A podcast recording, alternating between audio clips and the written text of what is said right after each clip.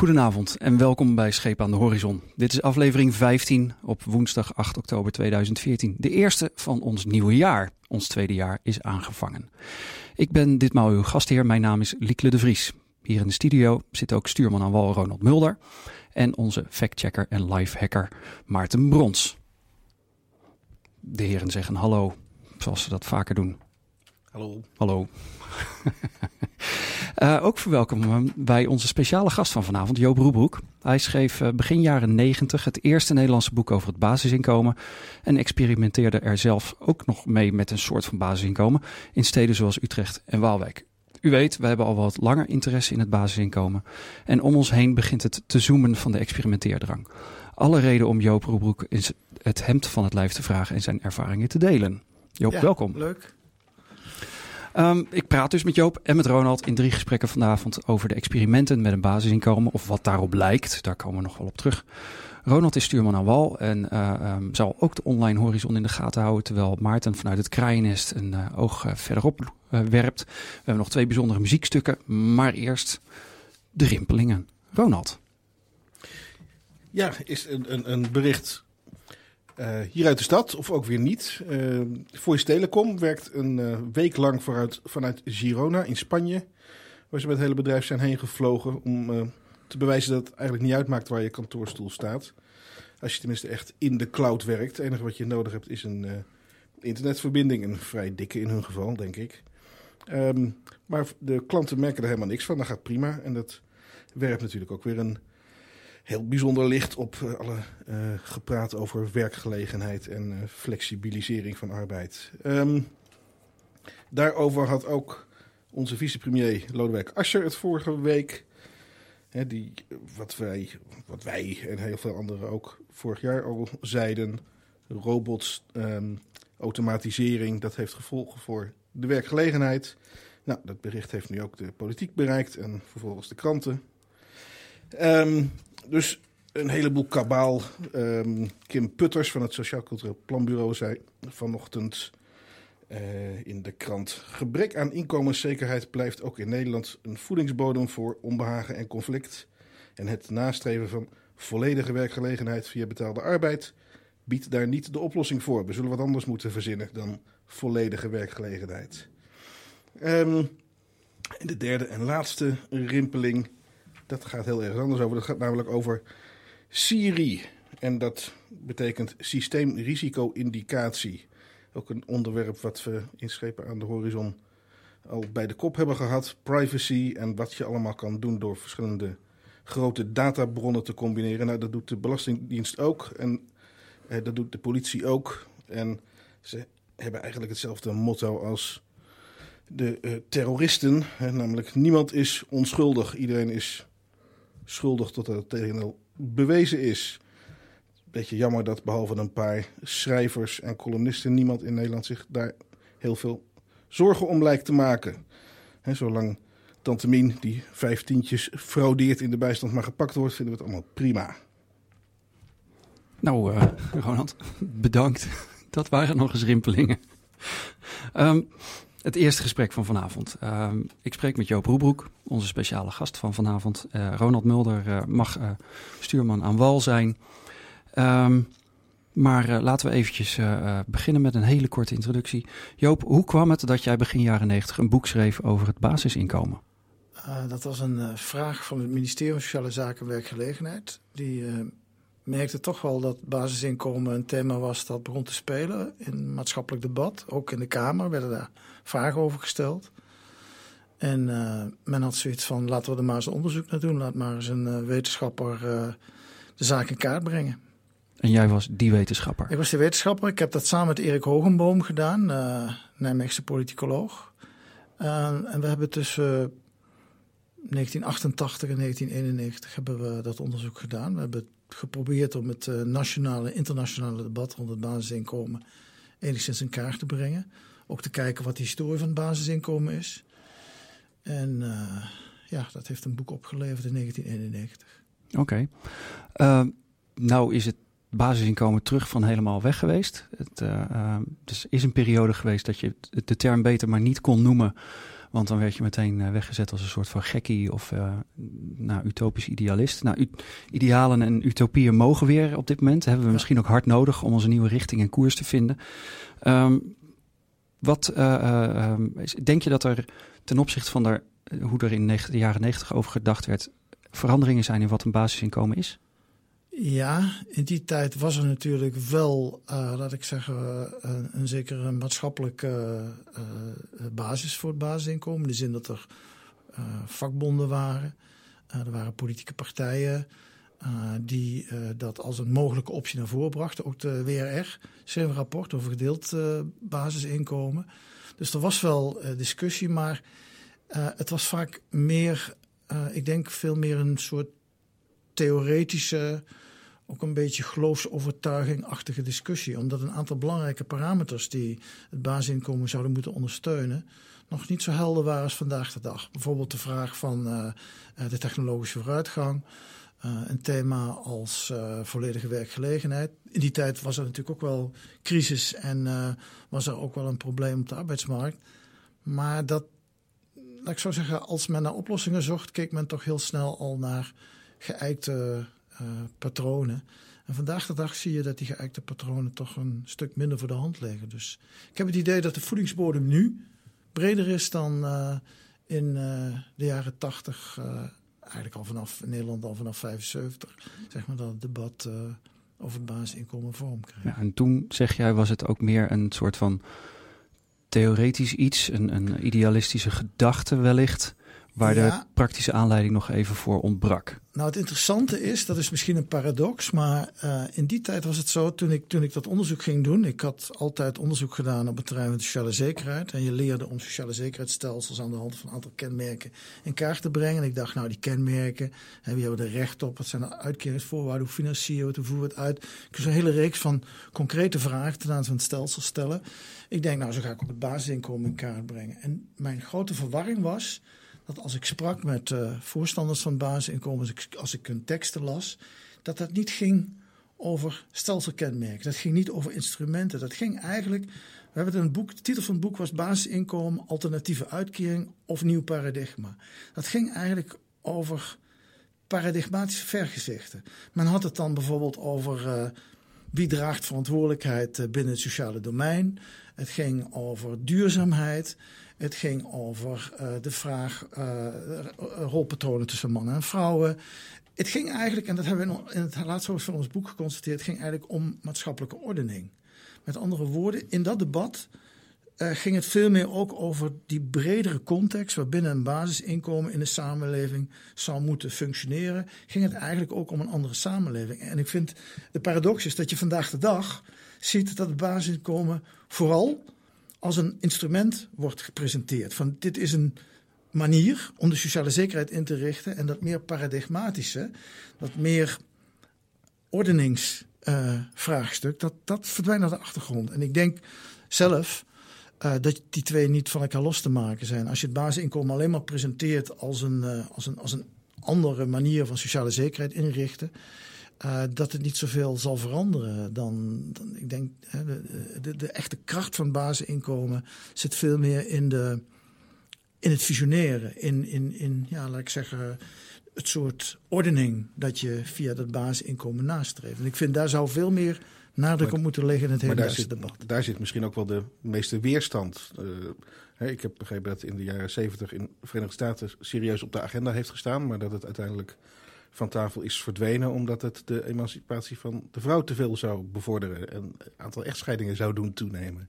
Was de verwachting. Dat was de verwachting. Ja. ja. Nee, zeker, dat is zo. Dat, ik denk ook dat het basisinkomen niet zozeer als instrument gevreesd wordt, maar vooral wordt gezien als een soort heraut van een andere ordening. Hè? En, en, en... Maar, maar dan hebben we nog een paradox ten opzichte van toen.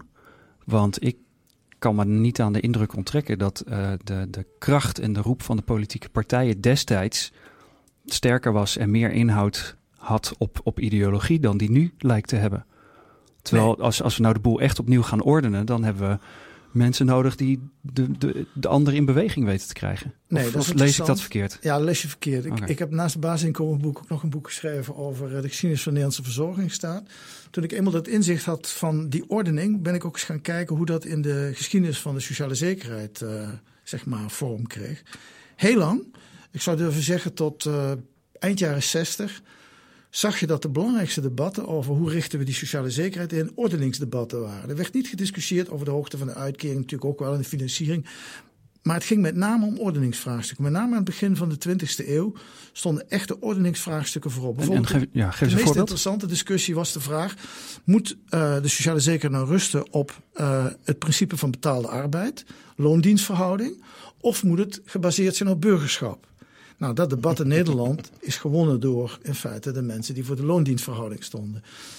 Dat idee van dat burgerschap vind je ook terug in het basisinkomen. hè? Dat is in feite de grond Dat van zou zo ongeveer de enige voorwaarde moeten maar, zijn. Maar, maar ook bij de uitvoering, hè, discussie, moet het, nou, moet het nou van werkgevers en werknemers zijn of moet het van de staat zijn? In Nederland werd het tripartiet. Dus dat waren allemaal van die ordeningsvragen.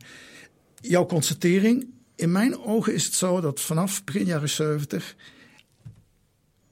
het debat over de ordening verdwenen is, maar dat de achterliggende filosofie van de inrichting wel degelijk gestuurd door ordeningsconcepties. maar die concepties die worden in feite in de politiek niet meer dis- bediscussieerd. Die, die, die, die, ja, die zijn weg. Ik, ik, ik verbaas mij bijvoorbeeld eh, enorm over het feit dat in het vorige kabinet twee VVD eh, bewindslieden op sociale zaken zaten.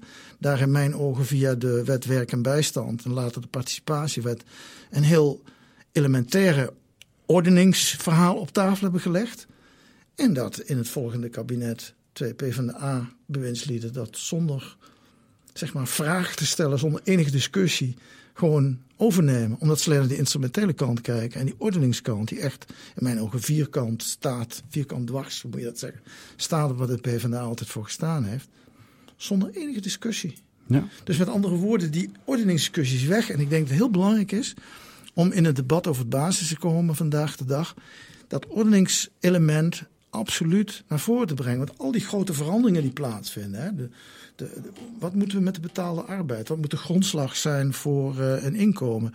Duurzaamheid, eh, verantwoordelijkheidsverdeling. Allemaal vraagstukken die vandaag de dag opnieuw in het sociale domein eh, opduiken met die En, decentralisatie. en, en eigenlijk kun je pas daarna gaan nadenken over hoe je dan sociale zekerheid zou moeten vormgeven en inrichten. Mijn punt was: vertel me welke ordening dat u wil.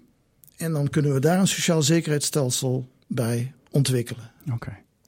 Nou, spannend, eh, denk ik dan. Want dat, dat lijkt me nog allemaal niet vanzelf gaan. Laten we, laten we nog wel even teruggaan in de tijd. Want eh, je zit hier natuurlijk ook omdat je gewoon al het een en ander gedaan en meegemaakt hebt... waar we wellicht wat eh, van kunnen leren. Want nadat je dat boek over het basisinkomen hebt geschreven... en, en verder was, bezig was met sociale zekerheid... En, en alle vormen waarin we dat op dat moment probeerden toe te passen... ben je ook in de gelegenheid geraakt om een soort van basisinkomenssituatie een tijd lang voor mensen mogelijk te maken. Dat zijn even mijn woorden. Ik denk dat je het zelf misschien iets anders zou omschrijven. Eh, dus dat is mijn vraag. Wat gebeurde er toen in Utrecht halverwege de jaren negentig? Ja, nou, om te beginnen eh, ging het met mijzelf niet helemaal goed aan de universiteit. In de zin van dat ik eh, het schrijven van boeken wel mooi vond. Maar ik had een het gevoel van, ja, moet ik dit tot mijn 65ste blijven doen? Voortdurend maar weer een boek schrijven over hoe de wereld in elkaar zit. Of de sociale zekerheid, de verzorging staat. Ik wil eigenlijk ook wel wat gaan bewegen maatschappelijk. Dus ik ben toen halftime gaan werken. En voor de andere helft eh, ben ik eh, samen met een goede vriendin... eh, zijn we, hebben we een bureau gestart dat als doel had... maatschappelijke projecten te gaan vernieuwende maatschappelijke projecten gaan ontwikkelen. En een van die projecten was dat wij het idee hadden dat je de vraag: wat moeten we nou met mensen doen die buiten de arbeidsmarkt geraakt zijn? Die in feite afhankelijk zijn geworden van een bijstandsuitkering. In die tijd werden die fase 4 cliënten genoemd. Hoe zou je die op een andere manier kunnen zeg maar, uh, stimuleren en uh, motiveren dan gangbaar was? En we hadden daarvoor een. En wat was toen gangbaar? Voor nou, de, de, de luisteraar die dat dag, niet meer weet. Hoewel ja? het wat minder streng was dan vandaag de dag. Maar het idee was toch solliciteren, sollicitatietraining. Nou ja, er was dan altijd een groep waar men van zei, daar kunnen we helemaal niks meer mee. Dat waren die fase 4, die stonden helemaal onderaan de, de trap. Uh, ja, die moesten dan maar eens leren om eerst wat ritme te krijgen in hun dag, structuur in hun week. Want dan zou het vast beter gaan. Leren met uh, tien woorden te spreken en met vorige mes te eten. Dat was een beetje het gevoel, hè? Dat ja. dingen, ja. En, en wij hadden een project, dat noemden wij Leven en Werk in de Stad. En dat ging eigenlijk uit van een principe dat voor mij ook altijd leidend is gebleven. En volgens mij ook leidend is van het basisinkomen. Namelijk dat je moet proberen om mensen op basis van hun talenten en kwaliteiten, die in mijn ogen iedereen heeft, een plek in de samenleving te geven. En een plek vooral die men zelf, zeg maar, wenst of verlangt of voor zich ziet. Dat was het uitgangspunt. Dus met andere woorden, hè, vandaag de dag kennen we zo mooi eh, de kanteling op gemeentelijk niveau. Eigen kracht van burgers, eigen eigen verantwoordelijkheid. Dat staat eigenlijk in ons project. Hè. Niet de sociale dienst, niet het beleid bepaalt van wat ik ga doen, maar uh, de deelnemers aan het project of de mensen met een bijstandsuitkering zelf. Nou, we hadden dat idee. We zijn we zijn bij heel wat gemeentes binnen geweest. Uh, we voelden ons een soort Jehovah-getuige. Dat je aanklopt binnenkomt uh, met je verhaal. En vaak werd er dan gelachen, et cetera. Maar op een dag kwamen we terecht in Utrecht bij de directeur, toenmalige directeur van Charles Arjen van Meulen. en die zag al wat in ons verhaal. Die is daarmee naar Pauline van der Linden gegaan. Dat was de PvdA-wethouder voor sociale zaken in die tijd in, in Utrecht. En ook die zag al wat in de zaak. Dat was ons geluk. Dus die hadden zoiets van... Nou, we, we, willen wel eens kijken of het ook op een andere manier kan. Was het zo makkelijk? Ja, dat ging, dat ging verbazingwekkend snel. Dat zou vandaag de dag waarschijnlijk niet meer lukken. Vandaag de dag zou daar veel meer uh, zeg maar, ruis ontstaan. Dan zou de gemeenteraad zich ermee bemoeien. Ja, Wij hebben... mooie boel wordt dat als iedereen gaat doen waar hij zin in heeft en dan ook nog een uitkering ja, krijgt. Maar goed, wij hebben toen wel een startbijeenkomst gehad. Waarbij we dus uitgelegd hebben aan de stad uh, wat we gingen doen. Um, nou ja, als de wethouder erachter staat, de sociale dienst ziet het zitten. Uh, we hebben die kans gekregen. We hebben dat twee jaar lang gedaan. Uh, tussen uh, 96 en 98. Oké. Okay. Hey, en, en, en hadden jullie toen ook een, een onderzoeksopdracht voor jezelf? Of was het gewoon, we gaan, we gaan gewoon maar beginnen en we zien wel wat er gebeurt? Ja, we gaan beginnen en we zien wel wat er gebeurt. Onze onderzoeksopzet was wel om wel goed bij te houden wat er gebeurde. We hebben er later ook een verhaal over geschreven in het tijdschrift uh, uh, ik weet niet precies het arbeidsvraagstuk of zo. We hebben daar wel, we hebben wel een evaluatie geschreven. Maar uh, nee, dat was niet per se, uh, laat ik zeggen, de, de primaire doelstelling. De doelstelling was gewoon, laat maar eens kijken of het lukt. En laat ook proberen, laten we ook proberen om de consulenten van de sociale dienst, hebben er ongeveer 15 met dat project met ons meegedraaid, om die eens te laten zien dat het wellicht ook op een andere okay. manier kan. U luistert naar Schepen aan de Horizon en ditmaal ben ik uw gastheer, Liekle de Vries. Vanavond praten we over experimenteren met het basisinkomen met onze gast Joop Roebroek. Tweet gerust mee met hashtag SADH. En op onze website sadh.nl staan ook alle vorige afleveringen en die zijn ook gratis beschikbaar in de iTunes Store bij de podcasts. Um, stuurman en wal, Ronald Mulder zit er ook bij. Uh, laten we maar eens eventjes doorgaan op uh, waar we net uh, gebleven waren. Dat experiment met uh, fase 4 uh, ehm, cliënten. Mensen ja. die dus uh, nou, zeg maar de maximale afstand tot de arbeidsmarkt hadden destijds. Ja. Waarvan misschien met mensen ook wel zeiden, ja, die kunnen eigenlijk niks. Maar ja, we moeten er wat mee, want zo zit ons land in elkaar. Um, en je, je sloot er net af door een opmerking te maken over de consulenten. De mensen van de sociale dienst die er zijn om werklozen te begeleiden. Uh, wat gebeurde er met hen? Die hebben dat project meegedaan. Uh, dan zijn we al bij het einde van het project. De 15 zijn alle 15 verdwenen bij de sociale dienst. En hebben in dat project ontdekt dat ze toch wat anders wilden doen uh, in het leven dan dat. En dat had alles te maken, denk ik, met de manier waarop we in dat project gewerkt hebben. Nou, vertel. Ja, we hadden vijf groepen. We hebben ongeveer 80 uh, fase 4 cliënten meegekregen. We hadden vijf groepen. We hadden een groep uh, bijstandsmoeders. We hadden een groep Marokkaanse vaders. Dat was vanuit de filosofie van als we iets uh, willen doen aan de integratie in Nederland, dan is het heel belangrijk om ook aan volgende generatie te denken. Dus uh, laten we ons ook eens gewoon richten tot de Marokkaanse vaders, die in een project expliciet meenemen. Dan hadden we de derde groep, waren de mannen 40 plus. Dat was de meest, ja, in mijn ogen, meest de groep die het meest ver afstond van de samenleving. Weet je, die konden gewoon, die konden gewoon verdwijnen. Uh, over bijstandsmoeders hoef je geen zorgen te maken, want die hebben enorm veel structuren in hun leven. Dat is ochtends vroeg al, zeg maar, in de benen en dan de hele dag. Want de rakkeren, kinderen moeten wat, ja, ja, Dan hadden we een groep, uh, um, wat we noemden kleine zelfstandigen. Dat waren mensen die in de bijstand zaten, wel zelf bijverdienden. Uh, zeg maar, dat waren acteurs, dat waren fotografen, dat waren mensen die grafische vormgeving deden. Daar zaten uh, twee dak- en thuislozen bij. Nou, een heel bond gezelschap van mensen. Mensen die spirituele sayatsu-massage gaven. En dan een hele interessante groep, de bewust baanlozen. Dat waren vaak wat hoger opgeleide mensen die heel actief waren in de stad Utrecht. Politiek café, alternatieve kwekerij, noem maar op. Ik denk dat ze ongeveer 60 tot 80 uur per week uh, in de slag waren. Dus Ons idee was... Bepaald geen luie mensen dus. Nee. Nee, het is echt, sorry dat ik je onderbreek, ja. maar deze laatste twee groepen die zijn nu bijna buiten beeld verdwenen. Hè? Omdat ze zeggen van ja, dat is zo'n, ge, excuseer me, gezeik, zo'n uitkering. Laat maar zitten, we verdienen zelf wel ons, uh, uh, onze paar honderd euro per maand die we nodig hebben. Dus dat ja. is, ze zijn er nog wel, maar je ziet ze bijna niet meer. Als ze zitten niet in de bakken, dienst. zeg Nee, maar. Ze zitten niet meer in de Zoals bakken. ze dat toch noemen. Nou, ons idee was, geef ze ons twee uh, jaar mee. Geen enkele verplichting.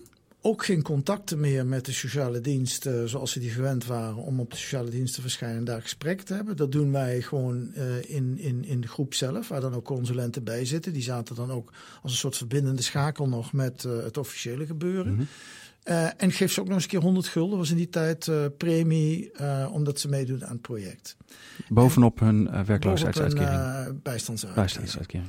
Nou, ehm, dat gaf in, in, met name in die groep uh, bewust baanlozen was natuurlijk leuk. Want de eerste bijeenkomst die we hadden... Ik moet erbij zeggen, we werkten... Om de twee weken hadden we een bijeenkomst. Dan hadden we een dag dat was zeg maar de enige verplichting die er ja. tegenover stond. Ja, dat, dat ze daar, daar kwam opdagen. Ja, dat ze daar wel kwamen opdagen. Nou, het leuke was, de bewust baanlozen, die hadden zoiets. De eerste bijeenkomst die we hadden, begonnen ze meteen vanuit het verzet. Hè, van, uh, jullie zijn natuurlijk weer door de sociale dienst gestuurd. En uh, wij zijn voor een basisinkomen. Ik zei, nou, dat treft. Hè, ik heb er een mooi boek over geschreven. Dat hebben we je net gegeven. En uh, dat is wat jullie krijgen. Dus daar hoeven we niet meer over te discussiëren. En het grappige was in die groep, zij, hun, hun, hun, laat ik zeggen, hun kracht en energie zat natuurlijk heel erg in het zich afzetten tegen het systeem en tegen de sociale dienst. Maar in die groep waar wij zaten en ook tegen ons werkte dat niet, want we waren het volstrekt met hun eens. Wij vonden ook van ja, basisinkomen natuurlijk.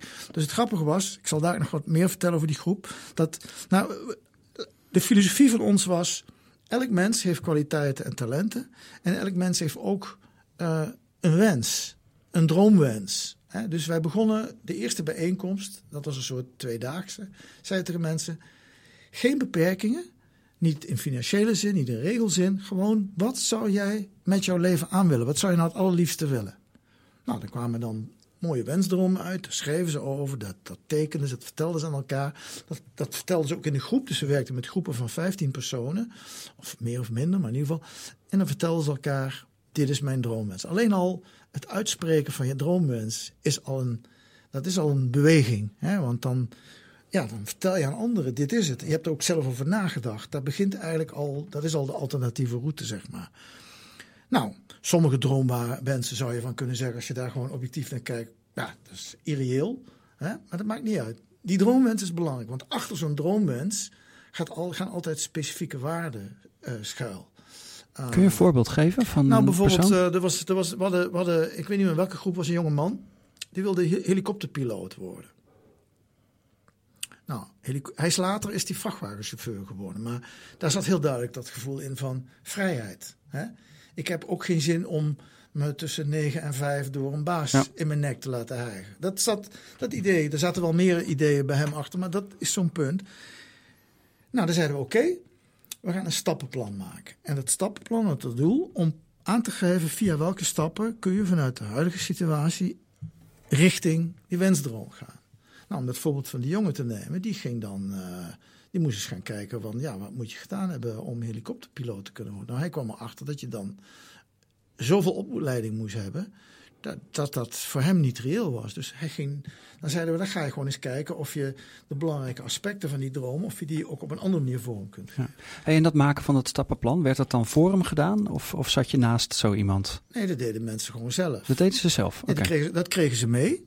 Uh, in die tweedaagse deden we dat en die werden dan wel besproken. En natuurlijk uh, uh, probeerde je dan ook in, in de begeleiding wel, wel de discussie aan te gaan. Maar het leuke van die groepen was, en, en daarom geloof ik ook heel erg in groepsaanpak. Ik denk dat als daar vandaag de dag over nagedacht wordt uh, in hoe kunnen we nieuwe experimenten gaan doen. Ik geloof echt in een groepsaanpak. Omdat als je een groep van 15 mensen hebt, zit daar heel veel talenten en kwaliteiten. Zit daar heel veel kennis en ervaring die je gewoon kunt delen. En het leuke is, mensen ontdekken ook uh, dat ze kwaliteiten hebben waarvan zij denken, ja, maar dat is toch geen kwaliteit. Ik zal een voorbeeld noemen. We hadden in de, in de groep van de bijstandsmoeders hadden we een uh, jonge vrouw. Ik denk ze 17 of 18 was, die al een, nou, ze wel wat ouder denk ik. denk 20, we hadden een dochtertje van 5. En die had zoiets van, uh, ik woon nog altijd bij mijn ouders en ik wil op mezelf gaan wonen. Nou, dat was haar, dat was haar wensdroom. Stappenplan was, nou, dan moet je dus naar uh, een wooncoöperatie en eens gaan kijken wat de mogelijkheden zijn en hoe dat dan moet. Nou, twee weken later hadden we weer bijeenkomst en uh, werd naar gevraagd van, en ben je geweest? Ja, ik ben geweest. En, ja, ik, ja, ik ben niet te woord gestaan. Ze wist niet hoe ze dat moest doen bij die balie en et cetera. En uh, ze had natuurlijk het idee dat wat ze vroeg, dat het allemaal niet gelukt was. Dat, is gewoon, dat was gewoon voor haar een probleem. Nou, er zat een dame in die, in die bijstandsmoedersgroep die zei, als je toch ergens naartoe gaat en je hebt een vraag, krijg je toch altijd antwoord? Je, krijgt toch, je gaat toch in ieder geval toch op zijn minst hè, dring je toch aan dat je dat antwoord krijgt. Nou, simpel. Volgende keer. Jullie gaan de komende twee weken gaan jullie samen. Ga maar mee, ja precies. Ja. Laat het maar zien. Ja. En twee weken later hadden ze echt wel antwoord. En het leuke was, ze ondersteunen elkaar in hun sterke en zwakke punten. En die dame van, uh, die had zoiets van, hè? Iedereen krijgt toch antwoord als je ergens iets gaat vragen. Ja, dus helemaal niet in de gaten dat dat bij haar gewoon een kwaliteit was. Dat ze gewoon heel duidelijk kon aangeven wat ze wilde. En dat ze daar ook voor ging. He, ik kan nog veel meer voorbeelden mm. noemen. Dus in, in die groepen zag je dus dat mensen ook samen van elkaar leerden. Ander voorbeeld bijvoorbeeld. Iemand was niet komen opdagen. Uh, dan hoefden wij als begeleiders niet bij de bijeenkomst te roepen van... Uh, Hé, hey, uh, waar was je eigenlijk uh, vorige week? Nee, dan ging in de groep van... Hé, hey, waar was je vorige week, Josien? Ja, uh, en dan kwam een argument. En dan zei de groep... Ja, dacht je dat wij dat probleem niet hebben? Wij moeten dat ook. Dus, snap je? Dus ook dat soort zaken, verantwoording afleggen. Waarom was je er niet? Daar discussie over hebben. Dat ging gewoon ook in die groep. Is ook logisch. Ik bedoel... vaak bestaat het beeld dat mensen aan de onderkant van de samenleving helemaal niks kunnen. Maar dat is natuurlijk onzin, anders zouden ze nooit overleven. Ze kunnen echt wel dingen. Er zijn zelfs dingen die zij kunnen die, die, die wij niet zouden kunnen. Ik bedoel, ik, hè, bedoel op het gebied van uh, doorzetten, bijvoorbeeld de dak- en thuislozen die we hadden. Nou, ik denk dat ik die buiten volhou, uh, zeg maar, bij min 20 of zo. Die jongens deden dat gewoon. Hè. Dus ik bedoel, het, het is een misvatting. Kijk, ze hebben talenten, kwaliteiten die misschien niet 100% in te zetten zijn in zoals wij de samenleving willen laten draaien. Maar goed, dat zegt natuurlijk niks over of je een bijdrage kunt leveren aan de samenleving. En dat zag je in die groep ook. Mensen konden ontzettend goed luisteren, hadden aandacht. Er was een dame die zei: Ja, maar ik kan helemaal niks. Terwijl de hele groep zei: Je bent de enige waar we altijd terecht kunnen met ons verhaal. Die altijd luistert en zinvolle vragen stelt. Ja, maar dat, ja. Dat is toch normaal voor mij? Ja, voor haar, ja, precies. Ja. Dus in, in die zin en, en er, ontstond een, er ontstond duidelijk een dynamiek. Bijvoorbeeld in die. Het was wel leuk om te zien hoe dat dan ging bij de Marokkaanse vaders. Er opeens één man. En die slaagde erin al na een half jaar. om conciërge te worden op een lagere school.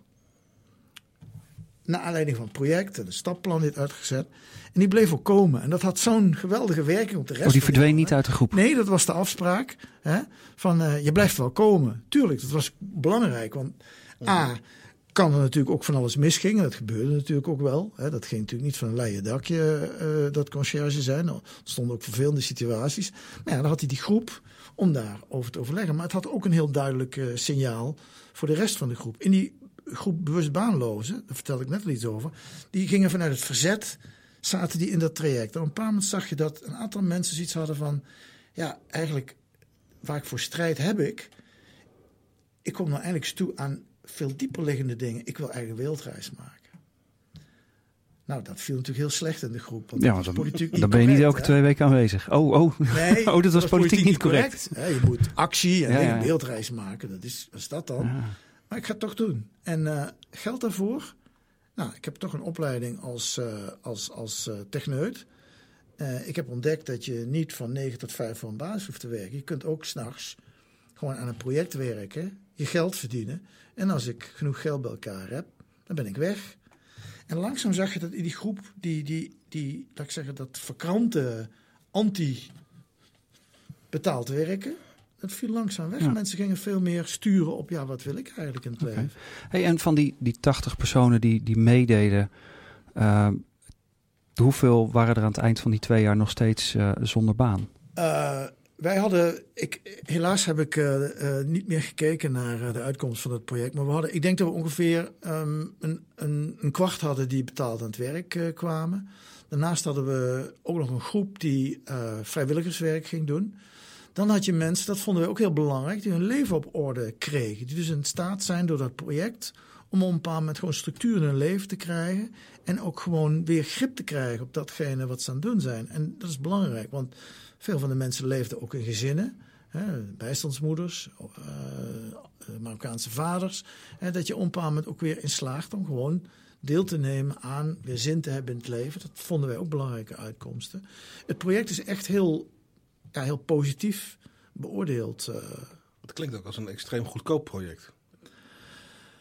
Ik denk als je het slim organiseert, dat het eh, inderdaad eh, goedkoper is dan eh, het eh, merendeel van het reïntegratiewerk dat er gebeurt. Ja. Ja, want je, je, je maakt ook gebruik van de energie en de interesse van mensen zelf natuurlijk. En je laat ze elkaar coachen. Dus nou ja, daar kan eigenlijk niemand tegen zijn. Zolang er nog iemand een oogje in het zeil houdt, denk ik dan. Ja. En ik realiseerde me dat ik vroeg van hoeveel mensen zaten er nog steeds zonder baan. Dat is natuurlijk ook vanuit Ja, wat ook mij geleerd is Ja. van de, hè, die volledige eh, dienstbetrekking. Dat is uiteindelijk waar je toch zeg maar alles aan moet refereren. Dus ik ben blij dat je ook nog even aangeeft wat die andere resultaten zijn. Dit is Scheep aan de Horizon. Discussies over actuele en toekomstige onderwerpen in economie en maatschappij eh, is wat wij hier eh, aan de orde hebben meestal. Vandaag gaat het over experimenteren met het basisinkomen. En in ons kraaiennest zit Maarten Brons. Maarten, heb jij wat gezien? Eh, ja, ik heb een, eh, een mooi artikel eh, van Joop op de Twitter gezet. Eh, dat staat op pagina 6 van deze PDF. Eh, Joop, wel- welk tijdschrift is het ook alweer? het is voor de sociale sector. En hierin ga jij vooral in op. Nou, eigenlijk op die ordening waar we het straks over hadden. Dus eh, de wat meer dieper liggende redenen om uiteindelijk wel te kiezen voor een basisinkomen. Ik gebruik het woord niet in het artikel, Oh. maar het is wel een pleidooi Oké.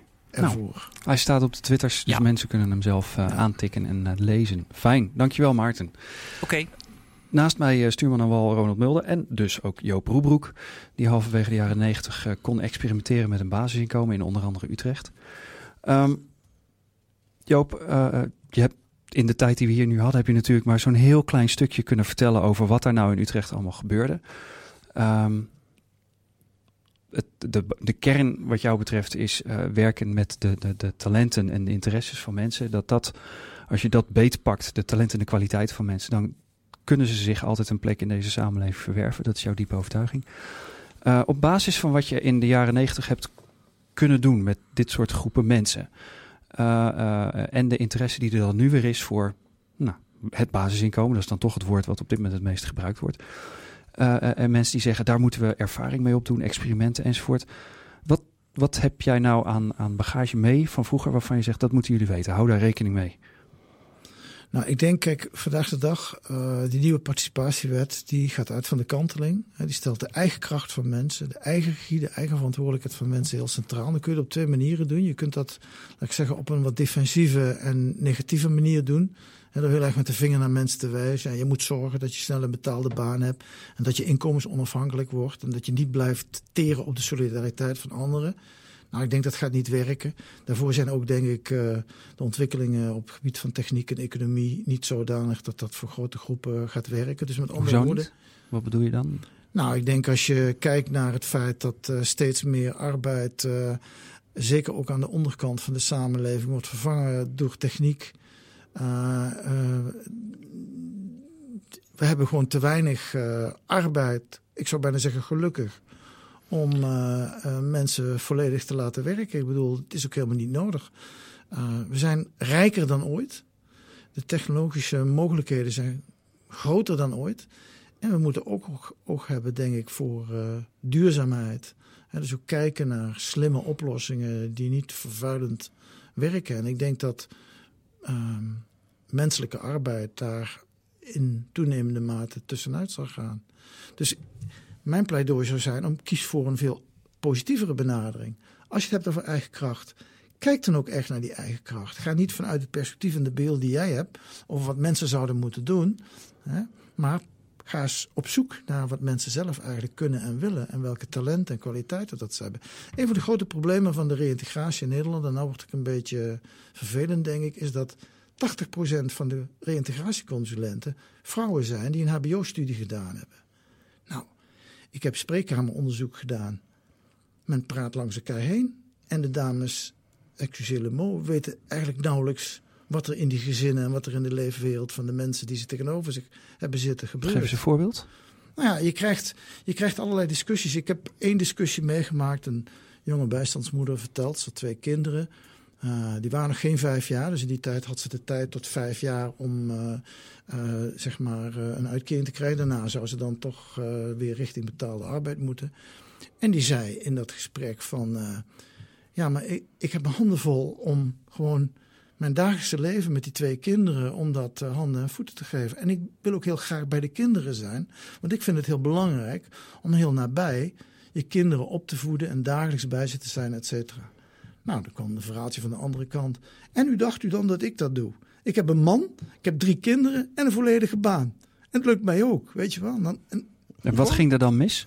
Nou, uh, ik bedoel, volstrekt voorbij aan inlevingsvermogen uh, van hoe, dat, hoe, die, hoe die bijstandsmoeder, zeg maar, uh, de keuzes die ze maakt en hoe zij in haar situatie met weinig geld, met, met, met, met niet het waarschijnlijk sociale netwerk wat die andere dame had en de opleiding, hè, dus ja, dan zie je zo'n dame kijken van oké, als dit het antwoord is wat ik krijg, zijn we klaar. Nou, dan heb ik hier niet zo heel veel kennis en, nee, en ondersteuning en dan, te halen. Dan heb ik ook verder geen zin om hier nog lang naar te luisteren. Want dat zie je dus, wat, wat je zag in die spreekkamergesprekken was... dat mensen volstrekt langs elkaar heen discussieerden. En dat er ook strategieën ontstonden van... Uh, ja, ik vertel mijn verhaaltje wel. Ik had in mijn groep in, uh, in, in Utrecht dat ik mensen zitten... Die schreven gewoon netjes op. Dit heb ik allemaal verteld bij mijn laatste gesprek met de sociale dienst. En voordat ze dan weer op gesprek gingen, namen ze dat nog eens even door. En bepaalden ze al van tevoren van uh, hoe zou ik dat gesprek ingaan. Over kwaliteiten gesproken. Ja. Ja? Dus met andere woorden, ik zou willen pleiten voor een, ja, laat ik zeggen, voor een totaal ander perspectief. Dat je probeert uh, vanuit het perspectief van de mensen waar het om gaat, een traject vorm te geven. En, en, en aan te gaan. Ook de doelen van zo'n traject. Hè? En ook uiteindelijk de vraag, uh, heeft het nou gewerkt? Ja, maar dat kunnen we toch niet plannen dan? Daar kunnen we toch niet voorspellingen over doen? Dat zou plannen. een tegenwerping kunnen zijn op dit moment. Mm, je hoeft niks te plannen, je moet gewoon loslaten. Je moet gewoon, uh, laat ik zeggen, uh, op een intelligente en creatieve manier uh, nieuwe, nieuwe vormen bedenken. Maar het, is, maar het is crisis en het kost al veel te veel geld. Die mensen die moeten gewoon niet te veel van onze tijd verdoen daar. Ja, Zou je ook kunnen tegenwerpen. laat ze dan helemaal los hè, en uh, geef ze dan die uitkering zonder dat je daar verder voorwaarden bij uh, definieert. Dat is de goedkoopste optie. Nou ja, goed. Misschien. En laat de is- mensen dan zelf op basis van het feit dat ze ruimte en vrijheid krijgen aan de slag gaan. Want dat zullen ze doen. Dat blijkt trouwens ook uit alle experimenten die op het gebied van basisinkomen gedaan zijn. Dat mensen niet lui zijn, niet thuis gaan zitten, maar dat ze juist zin krijgen. Omdat ze af zijn, dat is echt waar, omdat ze af zijn A van de enorme druk om dat inkomen steeds maar te beschermen door zich netjes te gedragen. En B, heel veel mensen zitten ook nog eens een keer in een schuldensituatie waarin ze ook allerlei dingen niet mogen. Trouwens, in de bijstand mag je ook niet. Je mag geen onderwijs vo- eh, volgen, je mag niet een beetje bijverdienen. Ja, noem maar op. Dat is een vraag die me al een tijdje op de lippen brandt. En dan heb je, heb je soortgelijke ehm, eh, eh, eh, benaderingen ook wel eens geprobeerd met mensen die helemaal niet in de bijstand zitten, maar die gewoon eh, eh, eh, voor de gemeente werken of voor de Belastingdienst. Of dat je zegt van wat zijn nou eigenlijk je kwaliteiten en wat is je wens? Ja. Nou, ik heb wel ooit zelf meegedaan aan een, aan een project. Hè, waarin allemaal mensen die werkten op zoek gingen naar die vraag. Nou, en dan hadden we, het, hadden we het ook heel lastig en even moeilijk in. Ik bedoel, dat geldt voor ons allemaal. Hè. Je, Ja. ziet, je ziet in de samenleving, want dat is wel een interessant punt. Het basisinkomen wordt altijd zeg maar, gelinkt aan de onderkant van de samenleving. Maar dat is niet zo. In die zin zou het ook heel verstandig zijn hè, om in de discussie en in het artikel van uh, in het tijdschrift voor sociale sector heb ik dat ook geprobeerd. Uh, je ziet vandaag de dag dat ook de middenklasse, maar met name ook uh, boven. Ik heb zelf uh, 30 jaar aan de universiteit gewerkt. Ik heb zelf een burn-out gehad aan de universiteit. Ik zie om me heen ook genoeg mensen die helemaal vastlopen in de rat race in de enorme race, ook de druk, de stress aan de bovenkant. Je ziet het al op lagere scholen, je ziet het zelfs al in crashes, dat kleine kinderen van 6, 7 jaar al van angstig worden vanwege al de eisen die gesteld worden. CITO-toetsen, noem maar op. Dus wat je ziet is dat we ook, laat ik zeggen, in dat deel, wat je normaal zou zeggen, het succesvolle deel van de samenleving, heel veel stress en problemen ziet. En ik weet zeker, ik kan alleen maar voor mezelf spreken, maar ik weet zeker, de vraag die jij stelde, als je, denk ik, grote groepen mensen die een betaalde baan hebben, die succesvol zijn uh, in de betaalde wereld, de vraag zou voorleggen: zullen we eens een week lang werken aan de vraag wat eigenlijk jouw diepste wens is in het leven? En hoe zit het er eigenlijk mee? Dat er veel verdriet en teleurstelling boven komt, dat men daar dus niet aan toe komt. En ik denk dat een basisinkomen ook daar mensen de mogelijkheid geeft om, uh, laat ik zeggen, een stuk vrijheid te creëren. Om ook niets te doen, om ook lui te zijn. Want ik ben er vast van overtuigd dat zaken als creativiteit, uh, innovatief zijn, dat dat gebaat is bij niets doen. Bij rust, bij luieren, bij onder een bij boom liggen. Lummeltijd hebben we dat. Ja, ja. hebben we hier ook al vaak aan de orde gehad. En, ja. en, en, ik, denk, ik denk, als je ook naar het huidige schoolsysteem en, op, en, en, en, en de manier waarop onze kinderen opgevoed worden kijkt, ik denk dat we enorm tekort gaan krijgen aan visie en creativiteit aan innovatief vermogen, omdat men al van heel jongs af aan in een strikt keurslijf wordt gedwongen waarin dromen, waarin fantaseren, waarin gewoon losjes dingen kunnen doen die je graag zou willen doen, uitzoeken, lekker kliederen, eigenlijk al als abnormaal wordt gezien. En daar gaan we rekening voor betalen, daar ben ik vast van overtuigd. En dat is een pleidooi wat je te weinig hoort en wat denk ik ook wel heel belangrijk is om daar om onder het debat met basisinkomen, of hoe je dat ook wil noemen, te brengen. Dat heeft met die ordening ja, te maken. ik wou zeggen, dan komen we daar terug. Ja. Dat heeft met ordening te maken. En het gekke is, we gaan naar een, we gaan naar een, naar een technologisch heel uitdagende tijd, waarin heel veel nieuwe dingen zijn. En we leren nog altijd uh, op de basisschool. Uh, leren we uh, zaken aan die nog stammen in mijn ogen uit de industriële tijd. we hebben nog altijd een idee ja, dat, dat we ja, ik, ik weet niet hoe je dat zou moeten noemen, maar nog altijd de waarden en normen, nog altijd de basisprincipes van die industriële samenleving. Terwijl die nieuwe samenleving vraagt om totaal nieuwe en andere, laat ik zeggen, kwaliteiten en met name ook ruimte in het hoofd. Ik denk dat dat zo ontzettend belangrijk is. Wat denk je, bestaat er over 100 jaar nog loonarbeid? Nee, dat geloof ik niet. Nee. Nee, dat is ondenkbaar. Ik denk dat over 100 jaar Nee, dan zullen we zeker een ander systeem hebben. Nee, loonarbeid bestaat niet meer. En heb je daar een, een wensdroom bij? Of heb je daar ook wel een voorspelling bij? Van wat het dan wel zou zijn? Of in nee, plaats daar heb ik nog niet zoveel over nagedacht. Ik probeer wel vaak wel een aantal jaren vooruit te denken. 100 jaar vind ik wat ver om over na te denken. ik heb nog één vraag voor je. Um, want er ontstaat nu op meerdere plekken in het land uh, interesse om, om met basisinkomen of delen aspecten daarvan te gaan experimenteren op basis van de ervaring die je hebt, eh, is er ook één specifiek ding waar we met z'n allen heel erg veel zorg voor moeten dragen dat we dat niet per ongeluk uh, beschadigen of kwijtraken? Is er een veiligheid die wel meteen moet worden ingebouwd? Of hoeft dat niet? Ik denk het belangrijkste is dat we erin slagen om dat perspectief van de mensen waar het om gaat, om dat, laat ik zeggen, ook te laten doorklinken. Ik zie nog steeds, ik ben ook voorzitter van twee rekenkamers, Breda en Apeldoorn. Ik zie die gemeentes nu die, zeg maar, die omslag maken naar de decentralisatie. Wat mij opvalt is dat de gemeentes zelf nog niet gekanteld zijn. In de zin van in hun hoofd nog niet gekanteld zijn. De politiek, het beleid is niet gekanteld. Men blijft altijd nog op de oude manier, vanuit de oude perspectieven, naar die nieuwe situatie kijken. Waarin het de eigen kracht, de eigen regie, de eigen verantwoordelijkheid van burgers vooral van binnenuit, vanuit het beleid, wordt ingevuld. En opgelegd. En ja, voor een deel ook opgelegd. Uitgetekend. En, en men in ieder geval niet, laat ik zeggen, het perspectief van de mensen het om gaat centraal stelt. En ik denk, als je zegt, wat is nodig? Dat is heel erg nodig. En die kanteling is ook heel erg nodig. Uh, in de hoofden van de politici, van de beleidsmakers, van de gemeenteraden maar ook van de maatschappelijke instellingen. Welzijnswerk, uh, reïntegratiebureaus. Ik denk dat daar nog een enorme Dus misschien moeten, moeten wij als, als burgers, over wie dit allemaal misschien wel uitgestort gaat worden, ons uiterste best doen om ambtenaren en politiek hierin, zeg maar, even nog een tijdje te begeleiden in deze moeilijke omslag. Ja, lijkt me een goed idee. Ja, mooi. Nou, laten we het daarbij laten. Dit was Scheep aan de Horizon, de vijftiende en eerste aflevering van ons tweede jaar. Reuze bedankt aan alle partners, Oogradio, Warpnet, Seeds to Meet en ook u, beste luisteraar. Op woensdag 29 oktober is er weer een uitzending en ditmaal over de Maker Movement. Tot die tijd kunt u alles terugvinden online op sadh.nl en gratis in de iTunes Store bij de podcast. En de redactie treft u eens in de twee weken op de vrijdagochtend bij Seeds to Meet Groningen. Maar u kunt ons natuurlijk ook twitteren op apenstaartje SADH.nl.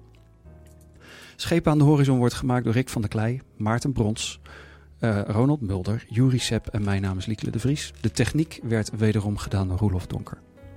Onze speciale gast van vanavond was Joop Roebroek. Joop, zeer bedankt voor je komst naar de studio en de mooie muziek. En u, lieve luisteraars, voor nu bedankt en tot ziens.